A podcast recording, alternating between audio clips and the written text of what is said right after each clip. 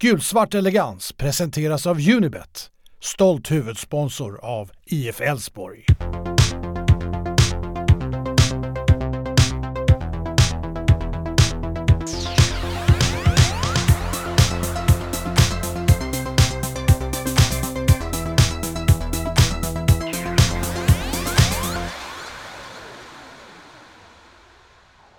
Hej och välkomna till podden Gulsvart elegans. Ehm, Ehm, ja, vi sitter lite spritt idag. Idag har vi eh, Isak och David sittandes i en lägenhet i någonstans i Österborg. Medan jag sitter eh, utanför ett hotell på en parkering eh, i Gränna av alla ställen.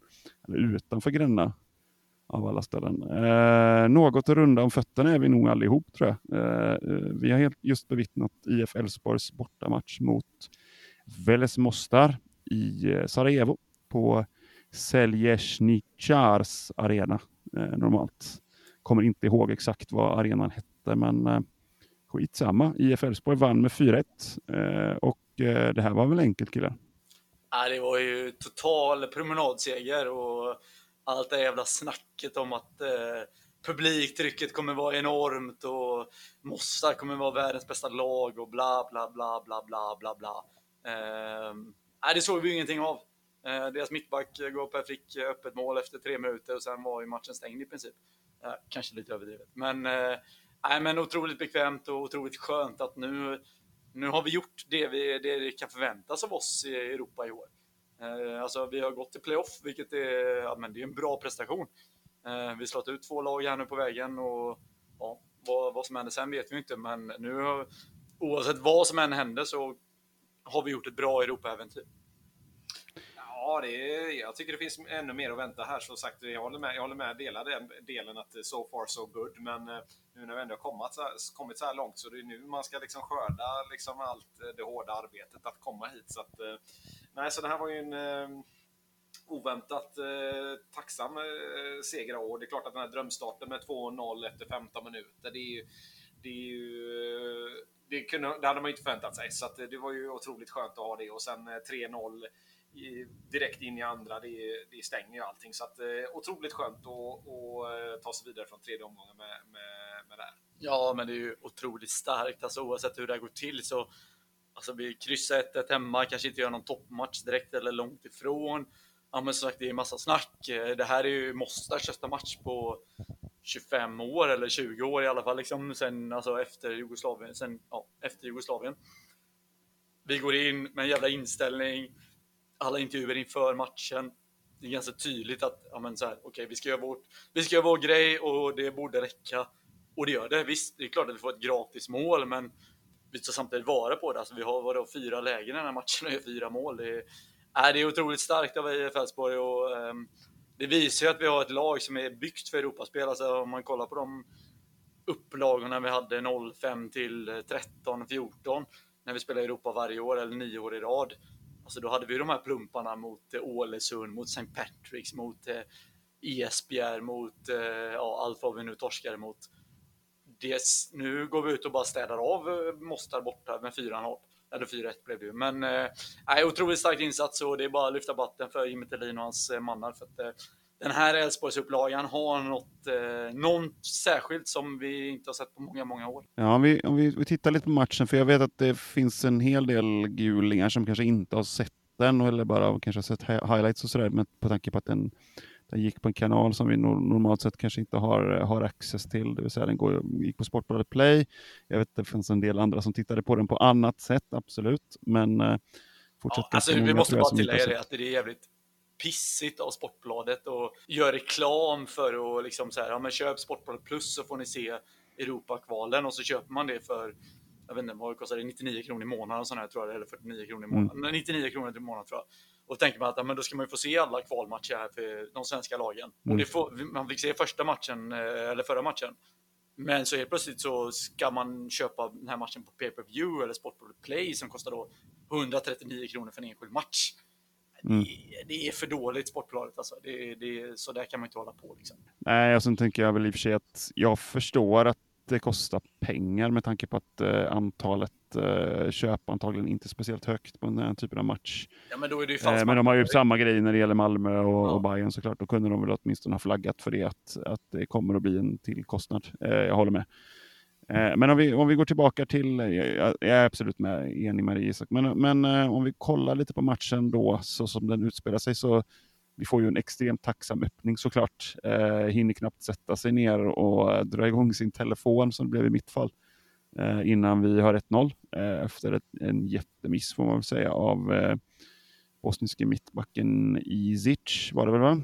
Eh, han hade något av en otursdag idag eh, uppenbarligen. För han var också inblandad i, var det 3-0? Han var också inblandad i 2-0 va?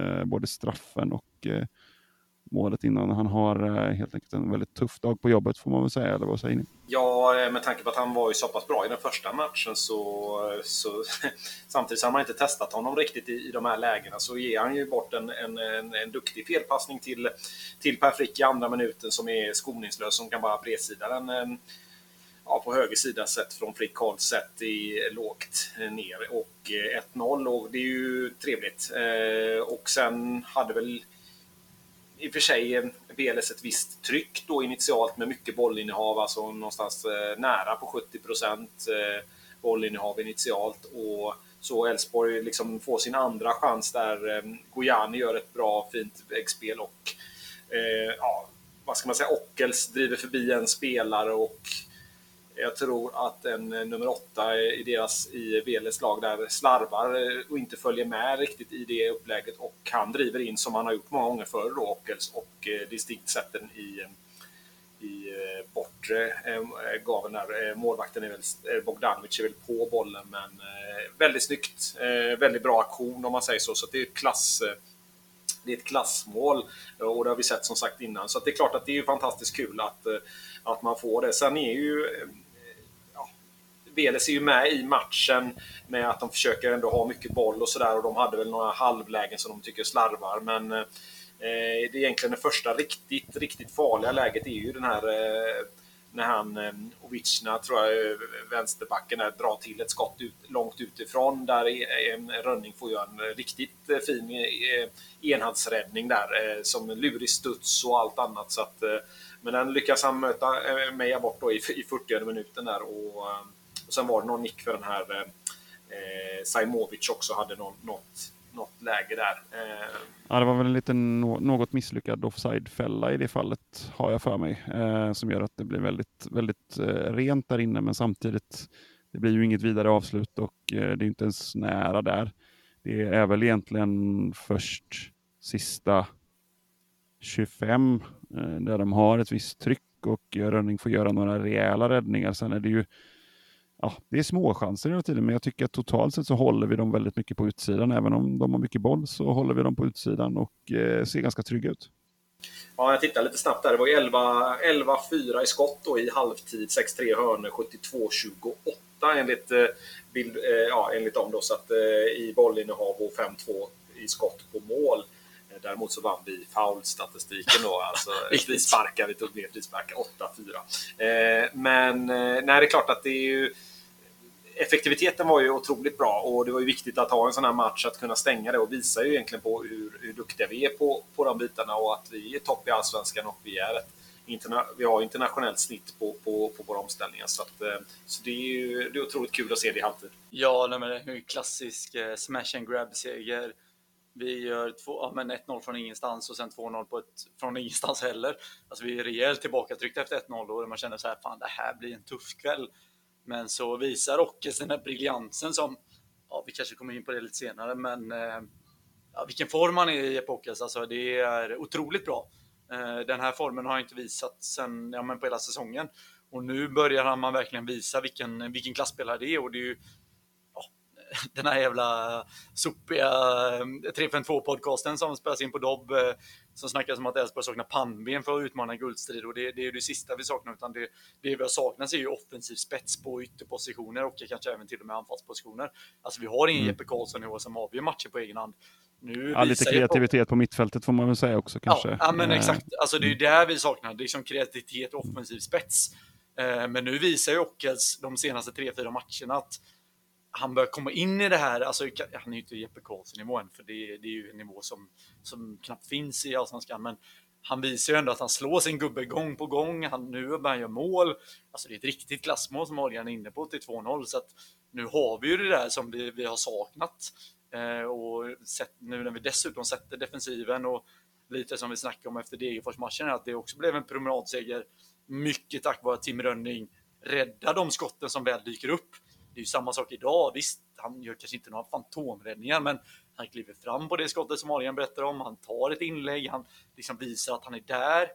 Och jag menar, då håller vi nollan och så gör vi, är vi kliniska framåt och då blir det ju så pass enkelt som det ändå blir idag. Eh, och det hade det inte blivit utan Tim Rönning och det, det måste vi komma ihåg att eh, ja, Tim Rönning eh, verkligen visar stor form han med.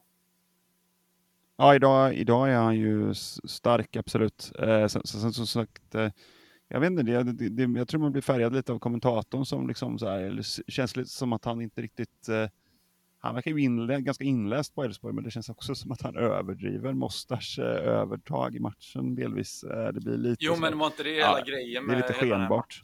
alltså hela med den här matchen, att Mostar skulle målas upp som något så här, alltså, fantastiskt lag. Alltså det är ju mm. inte Feyenoord, vi, vi möter Feyenoord nästa runda, det är inte den här rundan. Alltså Mostar är inget, ja det är ett okej lag liksom. Eller? Ja, men det var väl lite, det var väl också lite sett till 1-1 matchen senast att eh, vi var väl ganska eniga om att det här var inte ett jättebra lag, utan vi gjorde en ganska dålig match eh, hemma mot dem. Eh, och att det definitivt därför fanns ganska mycket att gå på. Sen är det klart att man blir alltid orolig när man inte lyckas vinna på hemmaplan i Europaspel. Och speciellt också att man, man sitter väl fortfarande och har lite på, på näthinnan det här med bortamål och att det är viktigt och att ett 1-1 resultat hemma känns ju kanske ja, det känns riktigt pissigt liksom på ja, förhand. Ja, statistiskt sett så åker man ju på det. Ja, så, så, och det är väl, nu kändes det ändå som att ja, när man, ju mer man tänkte på det så tänkte man att ja, det räcker ju att vi vinner där nere så, så går vi vidare. Och det kändes ju helt klart görbart sett till att motståndet trots allt var ganska svajigt. Eh, jag tycker det känns ganska uppenbart också att de inte riktigt hanterar våra tempo delvis. Eh, det tyckte jag man såg ibland, även på Borås Arena. Eh, de hade också svårt att hålla ihop det humörmässigt märkte man så fort målen började rulla in och det kan man väl förstå. Men de hade också svårt att hantera vårt eh, närkampsspel och, och eh, såg märkbart störda ut av att domaren faktiskt släppte ganska mycket situationer som, som normalt. Ja, men tar man en allsvensk match hade det blivit eh, ja, 15-20 mer frispark, fler frisparkar än vad det var i den här matchen. För att han släppte ganska mycket och det tycker jag eh, det är precis det man vill ha av en Europamatch. Man vill att det ska smälla lite, det ska vara lite grinigt, det ska vara lite, lite sådär. Och han tog ändå för det som han skulle ta. Ja, det var väl jag det var någon, någon lite för hård tackling kanske som, som vi borde fått frispark på och Bosnien kanske kunde fått någon frispark till också. Men annars så tycker jag att det är, liksom, eh, det är, det är ganska halvgrinig, lite sur grisig match, men, men eh, domaren sköter den bra ändå. Ja, nej, men jag menar om man kollar på hemmamatchen, eh, nu ska vi inte prata upp den för mycket, men då spelar vi på han Isic styrkor, att vi slog bara långbollar på honom och då är det klart att han äter upp en frick i luften, men eh, idag spelar vi bakom honom och runt omkring honom och då är han ju helt katastrof. Kanske bland alltså en Tom Söderberg mot Österinsats. Eh, så dålig är han ju faktiskt för att eh, han i princip kostar ju dem avancemanget. Ehm, men det är ju att vi har läst in oss. Alltså vi spelar inte bara hans, styrk, vi spelar inte bara hans liksom, styrkor i höjdbollar utan vi spelar runt omkring och ja, men, i sidan och då är, då är han ju kass. Och det var ju det vi inte lyckades med på hemmaplan. Nej, det var ju det vi testade och ja. det var det som vi var inne på. Det är klart att, att man, vi fick aldrig testa honom på de, på de bitarna. Sen är det klart att den där bjudningen som man ger till 1-0, ja, det, är ju, det, är en skänk, det är en skänk ja. från ovan på något sätt. Och mm. att, få, att få den, eh, den starten med, med en entusiastisk hemmapublik som var kanske lite mutad, tänkte jag säga, i, eh, man har sänkt liksom lite ljudet. Men nej, det är klart att det sätter ju eh, klart bilden och det är klart att man tar, demoraliserar och tar bort mycket eh, energi och allting runt omkring där eh, eh, från den här kanske största matchen som, som, som Mostar har haft på, eh, i modern tid. och så, att, så det är klart att, att få de två målen, det, det, det, det ju en sån här match helt klart.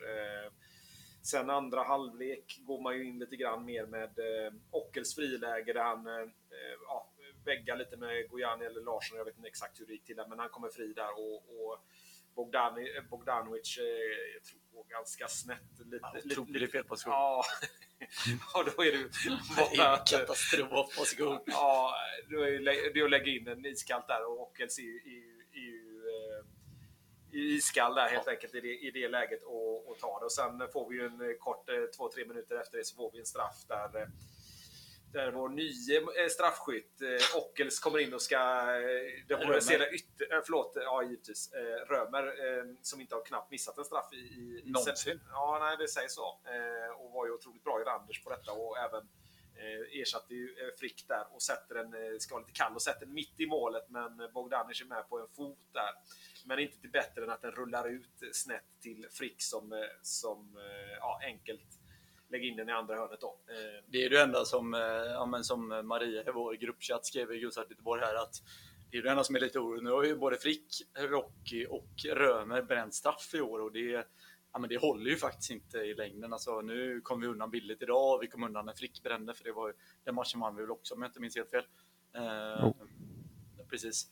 Och Rocky brände när vi vann också, när vi ledde med 4-0 mot, mot Milsami. Så att, men det är klart att vi inte har råd att bränna straffar i fortsättningen. Så det där, eh, mm, det, jag vet inte vad vi ska göra åt det riktigt. Men, eh, Det är helt enkelt bara att sluta med det. ja. Eh, Så det. Nej, men, alltså, Ja, men, totalt sett, jag tycker och, att eh, så här, man pratar 28-72 i bollinnehav i, i paus och sådär, men vad fan, de hade ju ingen kvalitet i sitt bollinnehav riktigt. Eh, sen tycker jag absolut, de har väl, de har väl viss kvalitet i sista tredjedelen i perioder i matchen och då, då blir det lite svettigt och vi faller lite för lågt och sådär. Det, och det går att korrigera bort en hel del av det. Men totalt sett så tycker jag att vi visar att vi är klart bättre än, än Mostar den här matchen. Sen är det klart att eh, nu eh, höjs nivån ett snäpp till, minst sagt, med Feyenoord nästa runda. Men det ska bli jäkligt spännande att se. Jag tycker att vi har ett spel som, som skulle kunna slå ut ett sånt lag också faktiskt, om vi, om vi får en full träff. Men då, då gäller det ju att man gör nästan allting rätt såklart. Så är det ju. Men Ja, Isak, jag lämnar tillbaka ordet till dig tror jag. Ja, men vi gör ju den här podden även idag med samarbete med Unibet. Ehm, och eh, de vill ju gärna slå ett slag såklart för hemmaklubben. Ehm, så unibet.se hemmaklubben. Ni går in där, registrerar ett konto, registrerar att ni håller på Elfsborg så ehm, eh, får Elfsborg helt enkelt ta del av 20 miljoner kronor som går direkt till ungdomsfotbollen. Och vi har ju sett här, eh, ja men idag Oliver Sandén hoppar in till exempel. Eh, ehm, idag och eh, ja, men, eh, flertal andra ungdomar som har gått via akademin. Så att, eh, jag var faktiskt igår på U19 derby mot IFK Göteborg eh, här i Göteborg och såg eh, våra nya blivande A-lagsspelare där. Så att, eh, och eh, pengar till akademin går alltid åt. Så in på unibet.se hemmaklubben och registrera ert konto. Eh, regler och villkor gäller, stödlinjen.se finns och man måste såklart vara över 18 år. Perfekt Isak. Eh, om vi fortsätter med våran eh, lagdel för lagdelsanalys som vi brukar köra efter, i eftermatchen-poddar. Det är mycket matcher nu så att det är många, många betyg som delas ut någonstans. Ja, Men jag vi tycker, börjar med Tim. eh, Ja. Ja. men jag tycker som sagt att vi måste ändå prata om Tim Rönning för att alltså, det är lätt att hoppa över honom för att man snackar backlinjen och sådär. Men alltså Mm. vilka, vilka insatser han gör. Alltså det är liksom på de här två och ett halvt eller två åren blir det väl nu som han har spelat i A-laget så kanske han har gjort, ja han kostade oss en, ett par poäng mot Örebro borta förra året. Eh, kanske gjort något halvmisstag men han är jättestabil, gör inga, näst, knappt några grova tavlor och dessutom tar ett alltså, skott som han egentligen in, ja, men riktigt bra räddningar. Och Mm. alltså ha en sån målvakt, det sprider ju sån otrolig trygghet. Och visst, han kanske inte ser bäst ut med fötterna alla gånger, men det gjorde inte Isaksson i landslaget heller. Men hur ofta blir det baklängesmål på det? Ja, men aldrig någonsin. Eh, jag tycker verkligen att eh, alltså, Tim Rönning, den liksom historien liksom med att vara Elfsborg-supporter, gått genom akademin. Vi, ja, vi måste uppskatta honom mer för att det pratas för lite om honom eftersom vi har mer flashiga utespelare och liksom hela den biten. Men nej, Tim Rönning, vilken, vilken keeper vi har och som, som vi sjöng förra matchen, han är verkligen vår idol och det, det ska vi ta vara på för att eh, ha en äkta guling eh, som storspelare och ung lovande målvakt, det är fantastiskt härligt att se. Ja, fantastiskt. Man ser att han tar kliv och kliv eh, för varje match som går här. Och, eh, ja, jag har sagt det i olika andra sammanhang som vi, som vi tar upp. Det är, det är internationellt snitt på, på, på rönning och det är klart att eh, jag tror att det, definitivt att det kommer sända ut eh, eh, signaler och det är ändå ganska svårt att sälja målvakten men jag tror inte Rönning är särskilt svårsåld eh, sett till om man, om man vill det. Så att, nej, jag tycker att han är, han är väldigt stabil, eh, inte bara idag utan över eh, allting och är kanske en av allsvenskans mest spännande målvakter. Om, om, ja, jag skulle nog säga det. Ja, men just också det här med att alltså, han är verkligen stabil. Alltså det man har sett målvakt innan som kommer upp och gör massa tokräddningar men så släpper de in lite skitmål här och där och det är väl fine för en ung målvakt också men det gör ju inte Tim Rönn. Nej, det är otroligt imponerande. Ja, nej, han är riktigt stark idag. Vi har, som sagt, jag har kritiserat honom någon gång då och då, eh, även under året. Sådär. Men totalt sett så är det ju kanon och idag är han ju eh, riktigt bärande, eh, definitivt. Visst, jag tycker ju att Mostar kanske inte skapar riktigt så mycket chanser som det, som det ibland känns. Man blir väldigt orolig ofta i de här matcherna när man vet att det kan svänga över snabbt och sådär. Men, men jag tycker att det är ganska uppenbart att han, eh, att han gör Eh, han har en, en, väldigt bra kontroll på, på, på läget idag. Eh, inga konstigheter överhuvudtaget. Så jättebra insats av, av Tim idag. Jag håller med. Ja, 20 skott tror jag fick till det. 20 eh, skott totalt, varav 7 på mål ja. eh, och så 13 ja. utanför. Oss. Så, att, eh, så det är klart att eh, något gör ju Rönning rätt. Ja, den bosniske producenten var ju väldigt eh, imponerad såg man, för det var lite när, ganska mycket närbilder på, på Tim och det var också statistik som visade liksom sju skott på mål och noll för Elfsborg eller något sånt där. Eh, sju räddningar för, ursäkta, sju räddningar för Tim och, och noll för den bosniske målvakten där. Men eh, ja, nej, han var, han var stark och, och eh, äras den som äras bör och det är, är Tim idag. Om vi fortsätter med, med backlinjen. Ja, men jag tycker att vi, alltså, det är usual suspects, men jag tycker ändå vi måste gå in och hylla Johan Larsson här, för alltså, han eh, liksom verkar ju uppenbarligen småskadad, kan liksom inte spela 90 minuter vecka efter vecka som han brukar göra. Men går in och gör en helt fantastisk insats. Alltså alla, alla bosnier, alltså alla Mostars anfall är ju typ på vänstersidan, alltså Simon Strands sida. Gör en assist, gör, eh, skapar straffen, eh, liksom stänger till, visar vilken kaptensmaterial han är och liksom styr upp det här bygget. Och, äh, men Johan Larsson, alltså småskadad men går ändå in och kanonspelar. Så att, eh, jag vill verkligen hylla Johan Larsson. Och sen såklart, alltså Leo Väisänen, vilken, vilken spelare vi har. Alltså, vi, vi sålde allsvenskans eh, genom tiderna bästa mittback som eh, Stefan Andreasson sa om Okomo, men har blivit i princip ännu bättre efter det. Och det är mycket tack vare att Leo Väisänen är tillbaka och spelar i full blom och är ja, men, otroligt bra. Alltså ja. lugn, pådrivare, vinner dueller, driver boll. Nej, vilken, vilken kille alltså. Ja, definitivt. Ja, man är ju allergisk mot det där uttrycket. Eh, Larsson kanon, alltså som sagt eh, rutin allting visar ju hur viktig han är i de här sammanhangen och eh, ja, så att eh, otroligt värdefull idag. Eh, Väisänen som vanligt är också en otroligt bra och fin form just nu så att eh, så kanon eh, där. Strand hade de inte riktigt eh, måste läsa in sig, även om man gick ganska hårt som sagt på honom hela matchen. Men eh, våran eh, kanske bästa säsongsspelare försöker man lägga alla, alla där. Där har de inte riktigt lyckats. Även om de faktiskt lyckades överbelasta vid en eller två gånger när de får in inspel så, så har de inte tillräckligt med folk i boxen. Så att nej, eh, klart godkänt. Backlinjen. Ja, men är, man är ju lite allergisk mot den här termen att, uh, att man är för bra för allsvenskan, men, men uh, Leo är ju det. Uh, det är bara att inse. Han, det är inte säkert att han kommer gå för det. Jag hoppas verkligen att han är kvar säsongen ut, men vilken spelare det är. vilken back, back det är. Han är ju inom två år är han väl helt ordinarie i finska landslaget. Han är ju redan ordinarie i finska Han hade ju spelat VM om han inte var skadad. Liksom. Ja, nej, men för, första elva och given där. Och, och eh, han bör, alltså, märkligt att han inte riktigt klarade holländska ligan i det, i det skedet som han var. Eh, för att han är ju definitivt tillräckligt bra för det. Ja, det är galen klass. Man undrar hur lång tid det tar för riksmedia att snappa upp det här. För att det tog ju ja, men typ ett år innan de började snacka om Okomo. Eh, Jarsué började de prata om ganska tidigt, men eh, alltså Väisänen är ju... Jag vet inte, alltså han är ju ännu bättre nej, men det är gott att vi har lyckats, lyckats få så pass många bra backar och det, det är precis det vi ska. ha. Så det har vi haft lite, gjort bra rekryteringar och så. så att, eh, jättekul nu ändå att vi, att vi har så pass duktiga spelare som vi, som vi har och eh, ska de komma och, och, köpa någon av de här så får de ju, så får de ju som vi har sagt några gånger slanta och ta med sig plånboken som Andreas som brukar säga. Så att eh, nej, gott, eh, riktigt bra med bra betyg för, för backarna som gör det ändå bra trots ett litet slarv där med 4-1 eh, målet där man liksom ja, drar någon liten, liten långboll över eh, Chargé där. Två, en eller två sådana lägen hade man. Men... Vi kan ju meddela att eh, Alian satt här och var jävligt orolig i soffan och nämnde flera gånger att så här, ah, fan, nu kommer Feynord scouta den här långbollen över Chargé. Men ah, jag tror bara det var att vi slappnade av lite.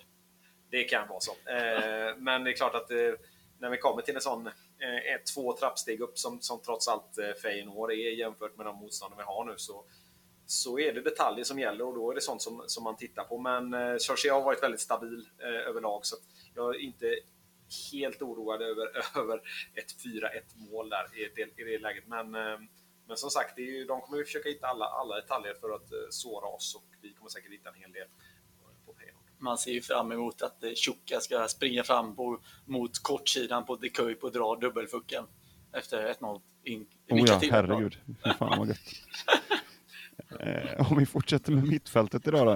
Eh, vi har ju, ja, det är ju the usual suspects även där, får man ju säga. Gojani från start idag. Eh, och, och sen har vi ju eh, som vanligt Holst och Römer. Eh, ja, vad säger du om deras insatser idag? Gojani är ju inblandad i två mål där, så att, eh, där gör han ju bra både i 2-0 målet och i, i friläget där till Ockel. Så, att, eh, så båda egentligen Ockels mål ska man kunna säga är, är han ju inne och Eh, är farlig. Så att, eh, nej, jag tycker att han, eh, han gör det bra. Visar att han är i form. Han blev även, fick lite plus från, från, från Veles coachen här, Dedic, att han och Eh, Väisänen var klassspelare. Men eh, nej, han är otroligt bra idag tycker jag. Så att, eh, viktig i, i med, med lugnande spelet och även att han är där. Så att, men ja, det, var ju, det blev ju till slut ändå klasskillnad trots med den fina starten. Så att det går gärna att göra bra. Eh, Römer missar straff. Eh, annars är han väl ganska stabil. Eh, gör inga, inga misstag, men eh, visar ändå på att det är bra spelare. Och Holst har väl en liten duell där i slutet med, eh, med Eh, förlåt, eh, han eh, eller Georg, ja, Georgievich, jag vet han heter, eh, som, som gjorde målet och även blev, gjorde en liten liten skallrörelse där som är ja, lite mer en skallrörelse till med mot Holst där och blir utvisad på köpet där. Så att, nej, men Holst gör en bra stabil, mycket riv, mycket dueller, försöker vinna boll, eh, inblandade mycket för att stänga av där, mycket av de här faulerna och sånt där. Så att, han gör ju en väldigt solid insats eh, i defensiven och, eh, och gör att, att det blir väldigt svårt för, för Willes att komma någonstans. Jag tänker liksom just tyngden på vårt mittfält som, alltså vi är riktigt jobbiga att möta. Vi gnuggar som tusan, vi är på hälsenen hela tiden. Vi ger oss inte i någon duell. Holst springer på som en galning liksom. Och det är klart att det är klart att det också det sätter in pengar på kontot någonstans kring, kring att eh, motståndare faktiskt totalt lackar ur till slut. Det är ju, det är, det är ju match efter match. Liksom. Det, är, det är ganska ofta mittfält mot oss ser eh, väldigt frustrerade ut. Liksom. Och det är ju på grund av att vårt mittfält är ruskigt jobbigt och tråkigt att möta på något sätt. Vi är, vi är ett, jävla, ett jävla rövarband eh, delvis och eh, det är ju jävligt skönt att se. Holst är ju definitivt en av anförarna i det. Eh, vi har ju även, även en del andra spelare som är riktigt gnuggiga att möta som, som Strand såklart, eh, Frick. Eh, så att vi är ett jävligt jobbigt lag att möta och det känns eh, rätt skönt. Ja, det är lite synd att vi inte har lyckats hålla nolla, men eh, nej, som sagt, väldigt, väldigt jobbiga är vi att möta. Så att, eh, vi har en fin form och eh, är det 10 matcher utan förlust nu va?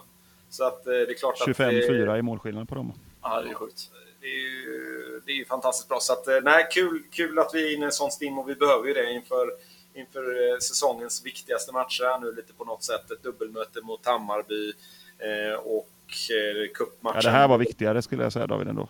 Men det är väl... Ja, ja jag, jag, det jag ville komma till egentligen är väl att, eh, att det som komma skall är väl det viktigaste. Även om idag, dagens match är ju det på något sätt det man har väntat på hela säsongen. Att få spela i Europa, komma till en tredje omgång, eller andra och tredje omgång, komma så långt, mäta sig med andra europeiska lag. Och nu får vi liksom nu får vi liksom på riktigt möta eh, den nivån där vi verkligen testa oss och se var vi står någonstans. Och Eh, det är ju det som är så fantastiskt kul när vi får, får, får möta, Feyenoord här då. Så, att, eh, så verkligen eh, kul, kul att få eh, att gå vidare här. Sen är, ja, jag tjatar lite om det. det. det. är svårt att vara negativ efter man har vunnit 4-1 borta i Europa och gått vidare. Det är det, som är, det är det som är poängen med fotboll, det är att vinna och gå vidare någonstans.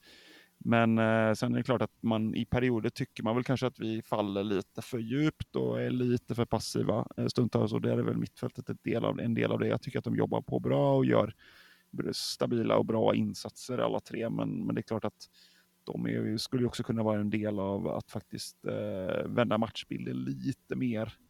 Även om jag eh, kan skita lite grann i att vi har låg bollinnehav så tycker jag att kanske att vi hamnar lite lågt i perioder som, som man nog kan råda bot på. För det finns fortfarande förbättringspotential där och eh, nu kommer Simon, Simon Olsson in här i slutet. Eh, han skulle kunna vara en del av den förbättringspotentialen, eller en, en del av den förbättringen såklart. Eh, men, det, men det, det, det, kanske någonstans, eh, man vill ändå ha lite mer teknisk briljans i perioder kanske, som, som vi inte riktigt får. Men totalt sett så tycker jag ändå att eh, alla tre på mitten är, är riktigt bra idag. Om vi fortsätter med, eh, med anfallet. Vi hade ju Frick såklart, vi hade Ockels, vi hade Alm, det vill säga the usual suspects även där. Ja, nej, men jag tycker man ska både, han vi har redan nämnt Ockels här, eh, gör en fantastisk match. Eh, alltså märks kanske inte liksom överdrivet mycket, men, ja, men går in och gör det här 2-0 målet i princip på egen hand gör även 3-0 målet i början av andra halvlek och dödar matchen på det sättet. Eh, visar hysterisk form och sen Per Frick, fem mål i Europa so far. Eh, det är bara en gubbe i New Saints i Wales som är mer mål i kvalet. Um, McManus? Eller? Ja, men exakt. McManus eller något sånt, någon skotte. Um, det visar ju ändå på vilken styrka Per alltså, vilken form Per Frick är i. Och, ja, men det finns ju de som tycker att Per Frick är bara brunker och bla bla bla. Men han visar ju klass och han gör sina mål i Europaspelet och det är ju en optimal fotbollsspelare för de här typen av matcher och det, det är otroligt härligt att se Pabrikan liksom springer runt och jävlas med bosnier och han retar upp varenda jävel på hela plan och samtidigt som han dessutom gör, har gjort fem mål i kvalet och pressar på och vinner dueller och nej, vilken, vilken spelare vi har i Ja, en riktig måltjuv som sagt. Jag menar, första målet är en bjudning, andra målet är en straffretur. Så att jag menar, det är, det är måltjuv. Han är där på han ska. Och, ehm, så att han gör, han gör det, det man förväntar sig, så det är riktigt kul. Ockels, eh, två bra lägen, eh, friläge och en individuell eh, insats där som, var, som, var, som jag tyckte det var klass. Alm tillbaka som jag hade ganska stora förhoppningar på idag, med att han hade fått vila sig och varit avstängd. Hade väl en fin någon dribblingsaktion, något annat, men kom inte riktigt till kanske så mycket egna lägen som man hade hoppats på då. Men Ehm, så där man kanske fortfarande finns en förbättringspotential där. Man kämpar och sliter all, men det, det ja, vi snackade om det både här under matchen och innan matchen också. Att det, ja, tyvärr så ser man inte riktigt den här fjolårsformen. Eh, där han ändå var en av våra absolut bästa offensiva spelare, gjorde nio mål. Såklart kommer i skymundan av Jeppe Karlssons otroliga säsong, men ändå gjorde liksom de här målen och efter Jeppe försvann så var han ju kanske den bärande offensiva spelaren efter Simon Olsson. Uh, nu kom den här skadan i våras och det, ja, man hade ju hoppats på att det skulle lossna med det här laget, men det, Ja, jag vet inte. Det, det, är väl den positionen eh, yttrarna. Nu har ju Åke som sagt kommit igång alldeles utmärkt här och levererar mål efter mål. Men Alm, eh, ja, han behöver höja sig ett snäpp här om vi ska kunna utmana på två fronter. Absolut, men sen tycker jag ju att det här är ju, det här är ju Ockels match. Eh, det är Ockels match ja. detta. Eh, han är jätte, jättebra. Han var ju väldigt, väldigt bra senast mot Degerfors också. Så att, uh, kul som tusan att han har, han har kommit upp i, i klass. Han är ju bättre nu än vad han var någon gång förra året och då tyckte jag att han, han avslutade ganska starkt uh, ändå. Så det, det är kanon. Uh, vi har ju vissa delar i vårt spel som vi behöver höja såklart, men, men, men Ockels är definitivt på väg till mot eh, en, en riktig kanonform här. Så att eh, äras den som äras bör återigen och Ockels eh, tycker jag är eh, frågan om man inte är med under matchen då. Eh, ja, absolut, utan tvekan. Eh, om vi fortsätter med eh, taco. Matchens tacos har vi ju redan delat ut här till Jeppe Ockels. Ja, det har vi ju i princip gjort. Va? Ja, jag sitter och skakar på huvudet för att vi delar ut den i förväg här, men ja, alltså, för min del så är det Jeppe Ockels. Ja, det är, det är ja. svårt att säga något annat. Det är Osa klass som sagt och han har varit otroligt eh, nyttig i två matcher, tre matcher här i rad nu för oss. Så att, eh, det blir väl eh, alltså matchens prestation helt klart. Sen vill jag ändå säga att eh, otroligt kul att spela i Europa, eh, ta sig vidare och få mäta sig med de bästa. Nu får vi det. Nu får vi en supermatch mot, i min, i min värld, Feyenoord. Jättekul. Eh, jag menar, hade det varit eh, andra publikinsläpp och andra eh, delar så hade ju eh, ja, det hade varit plus 10 000 utan att blinka på en sån här match. Eh, om inte mer. Ja, det hade varit fullsatt på Boråsaren. Ja, jag är nog villig att säga det också. Eh, det är en kanonmatch. Så, att, eh, så utnyttja verkligen alla matcher, alla biljetter till den här matchen. För att det här är, det här är någonting att se fram emot nu. Det är en avgörande playoff. Eh, Nokomo-försäljning på spel, alltså värt i pengar. Eh, otroligt kul, så att ja, det här det är det man suktar efter och jag, och jag tror att vi har jättebra chans att, att vara riktigt jobbiga och, och, och ta oss där. För vi har ju ändå spelat på det, så att vi tror på, att, eh, eh på detta. Ja, jag menar, så att vi ser i Europa nu, nu städade Feyenoord av Luzern eh, busänkat här med, jag vet inte vad det blev till slut, men de slaktade ju båda matcherna. 3-0, 3-0 va? Ja, 3-0 första och 3-0. Men vi ser ju liksom, vi snackade, vi snackade i podden här för innan lottningen här att vi gärna hade sett Astana, men framförallt att få Kups. Eh, och Kups slår ju ut Astana här, så att eh, det sker skrällar överallt i Europaspelet, så att varför mm. skulle inte vi kunna slå Feyenoord? Finska Kuopio som vi sa det. Ja, det är fantastiskt att ja, finnarna slår otroligt. det. Ja, Kazakstan. Ja, nej, det, ja, den, hade varit, uh, den lotten hade inte varit helt dum, får man ändå säga nu. Nej, verkligen men, inte. Men sån tur kan vi inte ska ha tre gånger i rad. Men uh, bring on Feyenoord är det enda jag säger. Ja, det ska bli, ska bli riktigt, riktigt intressant. Tufft som tusan såklart, men, men jätteintressant. om vi går till pytten då. ja, lite lurigt. Det är ju inte så många som, mycket som sticker ut negativt man, man får väl nästan ge, ge den till Isic va, i, i den bosniska backlinjen. Nej, han förtjänar ju tacosen tycker jag. ja, nej, det, jag, nej, men skallningen bara... kanske. Skallningen kanske. Ja, precis. Jordovic eh, skallning och även eh, brö, eh, axel eller bröstvärman där på Strand tyckte jag var Eh, hör inte hemma på en plan och, och dessutom obestraffat där. Jag vet inte vad, exakt vad som föranledde alla detaljer där. Det kanske sades något på plan lite syrligt eller någon duell innan som, som hade varit het. Men eh, den gick obestraffad. Men däremot så är röda kortet eh, eh hör inte hemma på en plan eh, och med rätt, all rätt för, eh, får gå ut där. Så, att, eh, så det slovakiska eh, domarteamet eh, tillät en hel del och det tror jag inte eh, Veles var, var med på. Så att, nej, inget sånt. Eh, det får man vara, vara iskall och även, jag tror det var en, en, en aktion där med Bernhardsson eh, som eh, går lite hårt in på en, en boll som rullar ut vid, vid eh, ja, till inspark där Eh, Radovic som gjorde mål, eller Radovici som gjorde mål mot oss eh, på Borås Arena och gick runt. Eh, ja, eh, är lite aggressiv tillbaka och eh, hotar med att kasta en boll i ansiktet på, på, på Bernhardsson. Det tycker jag inte heller hör hemma. Nej, verkligen inte. Eh, ja, jag tyckte att det var bra att de höll sig kall eh, i det läget där. Så att, eh, det, det, måste man ta lärdom av. Sen måste jag bara lyfta en sak, att nu har jag kastat lite skit här på publiken i Mostar, och, eller framförallt liksom hur media har blåst upp det här publiktrycket och så, men man ser ju ändå efter matchen att ja, men de hyllar sitt lag för att det här är ju deras största matchen 90, ja, men 90 eller 92 eller något sånt där. Mm. Eh, och då vi dessutom då går in och bara städar av dem med 4-1 hur enkelt som helst tyder på en jävla styrka från oss, men det är också fint att se efter matchen. Det var ju inte den här liksom hatiska stämningen alls. Visst, det var någon grön laser vid någon hörna i början där, men det var ju liksom, för det här var, för dem var det ju den största matchen de spelat på hur länge som helst. Och det ska vi ha cred för. Alltså att vi är det laget som de möter, så att de anser att det här är det största vi har gjort.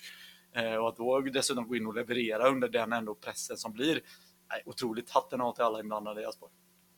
Ja, verkligen. Nej, det var, det var ehm, trots den eh, pytten då som sagt så väldigt fin atmosfär och allt annat där. De tackade, eh, Måsta-spelarna tackade av sitt, eh, eller Måsta-spelarna tackades av av publik och allt annat ja. och, och drog ärevarv och det ena och det andra. Och, eh, tränaren såg vi väldigt eh, lugn ut och kommentatorer och allt annat som var så fantastiskt roligt där. Men... Ja, vad kul att de såg med Velers Mostar-tröjor i studion.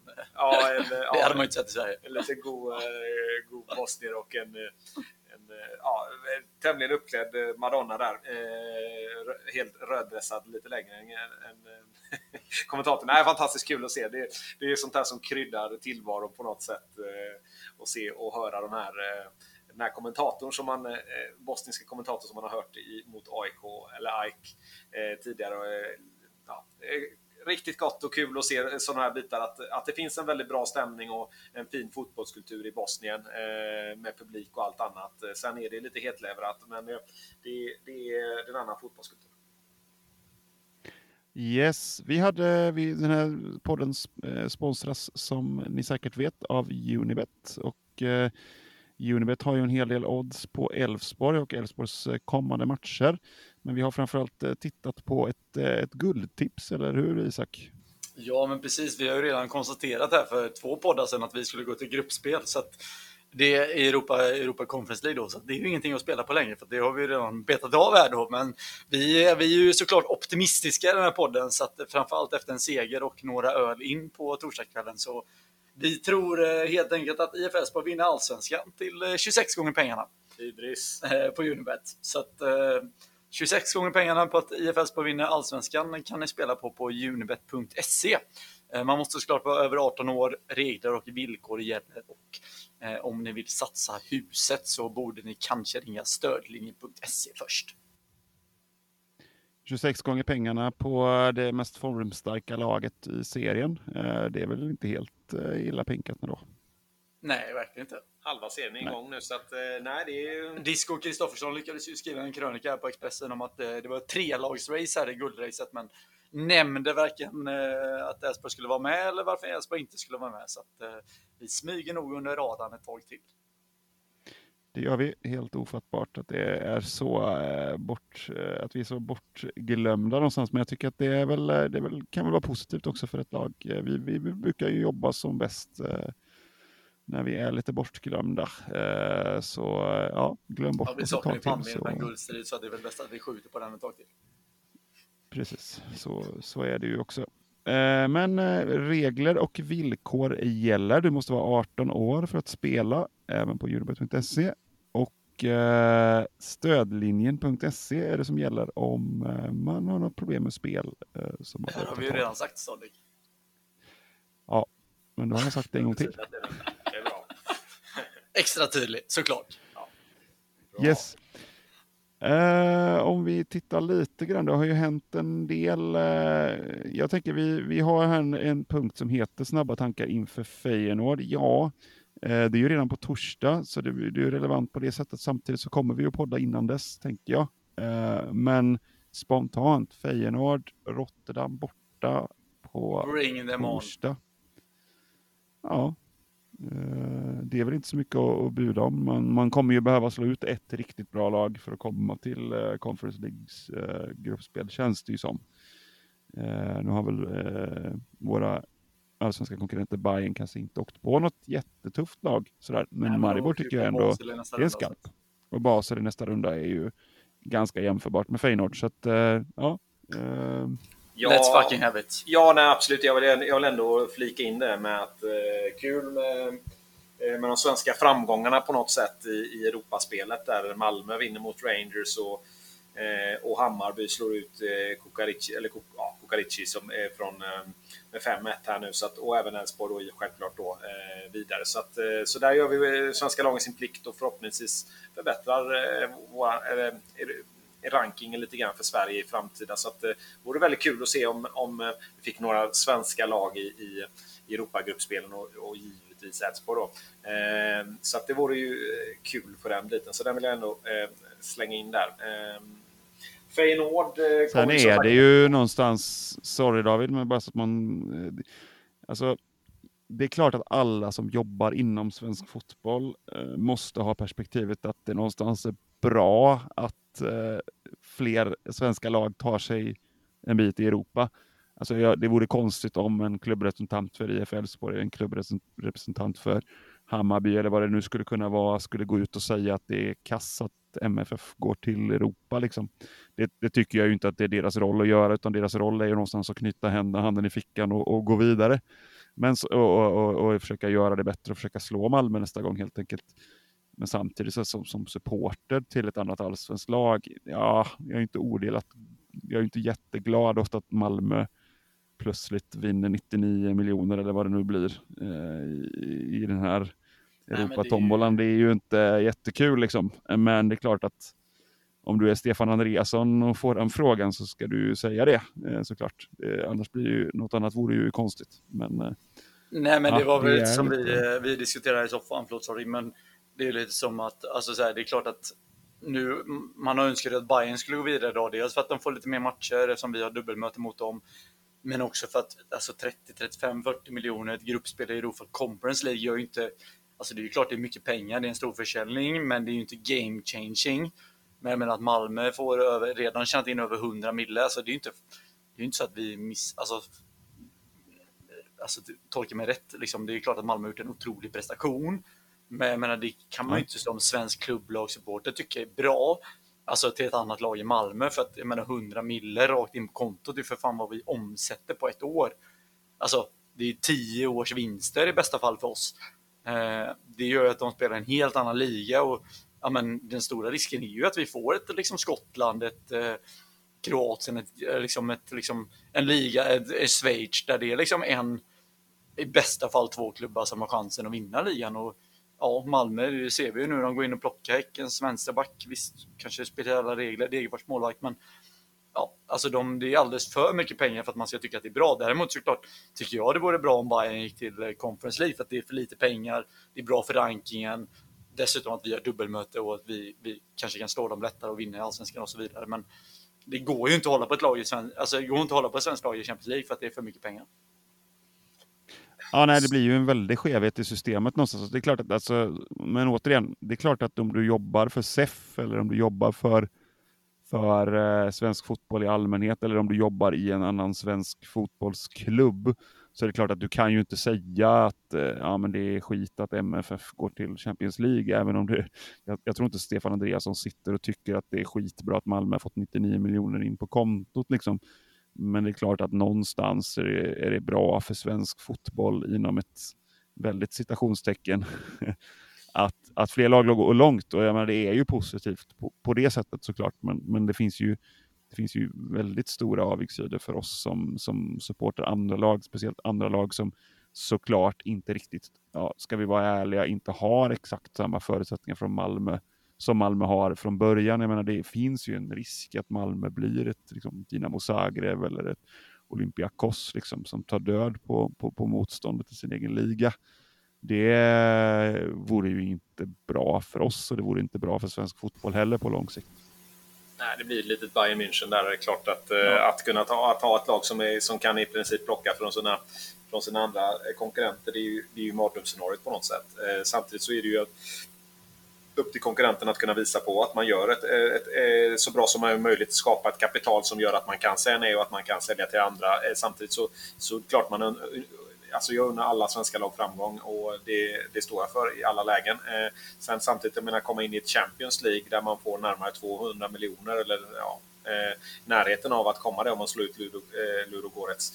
Det är klart att det är enorma belopp eh, som jag menar 40 procent av, eh, av redan en halv miljard i, i kapital. Det är klart att det är ju eh, enorma pengar och man kan ju, eh, ja, hade jag suttit och varit eh, Daniel Andersson hade jag nog eh, köpt Lars eh, Colak direkt där på 30 mil utan att blinka med, med, med, ja, med, de, med, de beloppen. Även om man ska vara smart med, med ekonomin och inte gå i fällan som man har gjort många gånger så, så hade jag nog gjort det. Men skitsamma, det är inte Malmö.